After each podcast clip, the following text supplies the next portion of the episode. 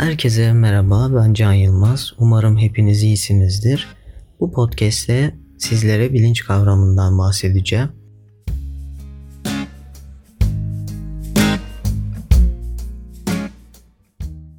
Bilinç kavramını günlük hayatımızda pek çok yerde farkında olarak veya bazen hiç fark etmeyerek türlü anlamlarda kullanırız. Bilinçli veya bilinçsiz kelimelerini bilincine varmak kalıbını sıkça duyarız. Bu kavramı anlamanın, onu keşfetmenin önemi de işte dilimizde edindiği yer ile kendini göstermektedir. Bilinç, insanı insan yapan özellik tanımıyla psikolojinin ortaya çıkış yıllarından itibaren hayatımıza girmekle kalmamış aynı zamanda ele alınan pek çok konunun temeli haline gelmiştir. Yine de davranışçı yaklaşımın öncüsü olarak bilinen Watson'ın bakış açısını psikolojiye kazandırmasıyla bir dönem önemini büyük ölçüde yitirmiştir. Fakat bilinç kavramı yeniden araştırmaların konusu ve ilgi odağı olmayı başarmıştır. Bilincin tanımı nedir? Bilinç dediğimizde aklımıza pek çok tanım gelse de en basit haliyle ona içsel ve dışsal durumların o an içindeki farkındalığı diyebiliriz. Daha geniş bir tanımla bilinç bir insanın ruhsal varlığının, bedensel duyumlarının ve bunlarla birlikte dış dünyanın da farkında olması durumudur. Yani aslına bakarsanız bilinç iç dünyamıza ve dış dünyaya karşı bir duyarlılık halidir.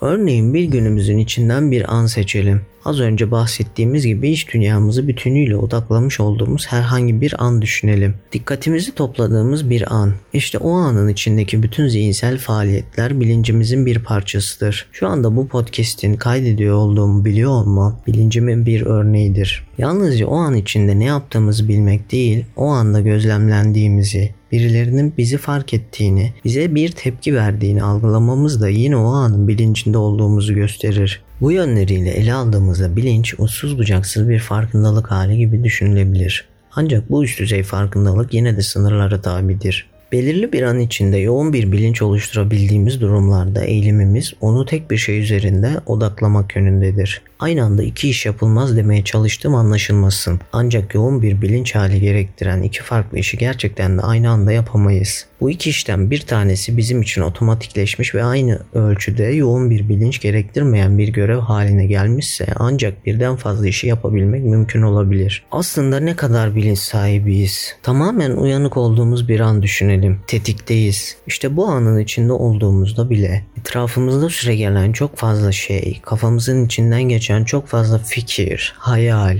anı, çağrışım ve daha birçok şey vardır. Günlük hayatımızda bazen kendimizi zihnimizden geçenler haberlere kaptırır, dünyanın geri kalanından bir haber oluruz. Bazen üzerinde çalıştığımız bir işe, projeye, konuya o kadar kapılırız ki top patlasa duymayacak bir hale geliriz. Bu süreçler esnasında bilincimiz bir şeyden başka bir şeye, dış dünyadan iç dünyamıza yönelip durur. Yani bilincimizin odağı devamlı değişir. Bu durum bize iki şeyi gösterir. Öncelikle bilincimizin sınırlı olduğunu anlarız. Bundan yola çıkarak da görürüz ki bir şeye yöneldiğimizde bilincimizin odaklanmamış yani kapasitesi gereği odaklanamamış olduğu pek çok şey her anımızda mevcuttur. Bu durumu yalnızca çevremiz üzerinden değil, bize en yakın olan varlığımız yani bedenimiz üzerinden de düşünebiliriz. En basit şekliyle otonom sinir sistemimizin etkilerini sürekli olarak fark etmeyiz. Bir gün boyunca yaklaşık olarak 17 bin defa soluk alıp veririz ancak bunların kaçını gerçekten bilinç sahibi olarak gerçekleştiririz. Bir de başka açıdan bakalım ve zihnimize odaklanalım. Zihnimizin herhangi bir anda bilgisine sahip olduğumuz pek çok şey vardır. Biz yine de çok küçük bir kısma odaklanalım.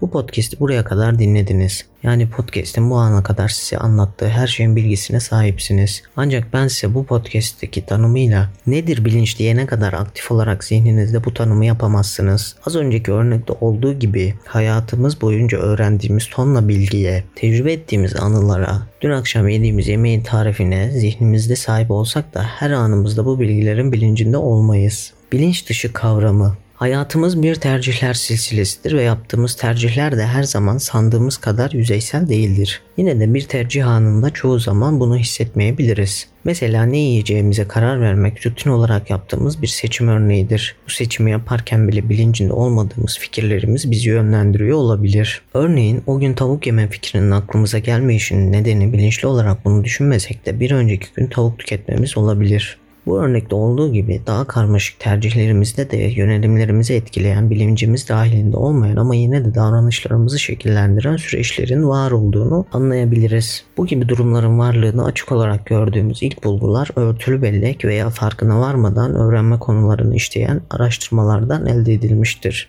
Şimdi bahsedeceğim bilinç kavramı ilk defa Freud tarafından kullanılmıştır. Freud'un ele aldığı bu kavram farklı yönleri de içinde barındırır. Ona göre bireyler kendileri için rahatsız edici buldukları veya kendi iyi oluş hallerini tehdit eden bazı deneyimlerine ilişkin hatıraları, fikirleri ve dürtüleri bastırır ve bilincinin dışına iter.